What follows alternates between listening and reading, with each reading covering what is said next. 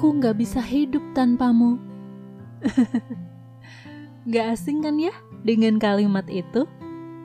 Saya pernah dengar orang bilang kalimat itu dalam konteks makan. Ah, kalau nggak ada temen, aku nggak bisa makan.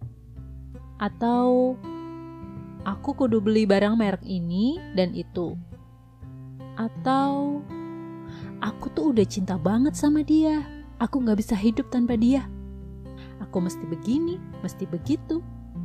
Well, saat bencana atau musibah melanda, kita tidak punya banyak pilihan.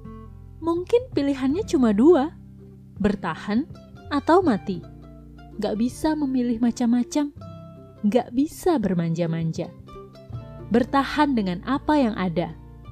Di masa pandemi ini, salah satunya kita belajar menerima, menyesuaikan diri, dan berkreativitas. Bisa kok belajar dari rumah meeting dari rumah, bekerja dari rumah, beribadah di rumah, bahkan belanja dari rumah. Meski itu mungkin gak maksimal, karena pastinya ada hal-hal yang gak bisa menggantikan dengan pertemuan biasa.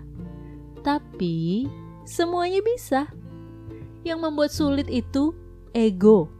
Dan, sebenarnya, satu-satunya yang kita nggak bisa hidup tanpanya adalah oksigen dan Tuhan tentu saja sang pemberi kehidupan. thank you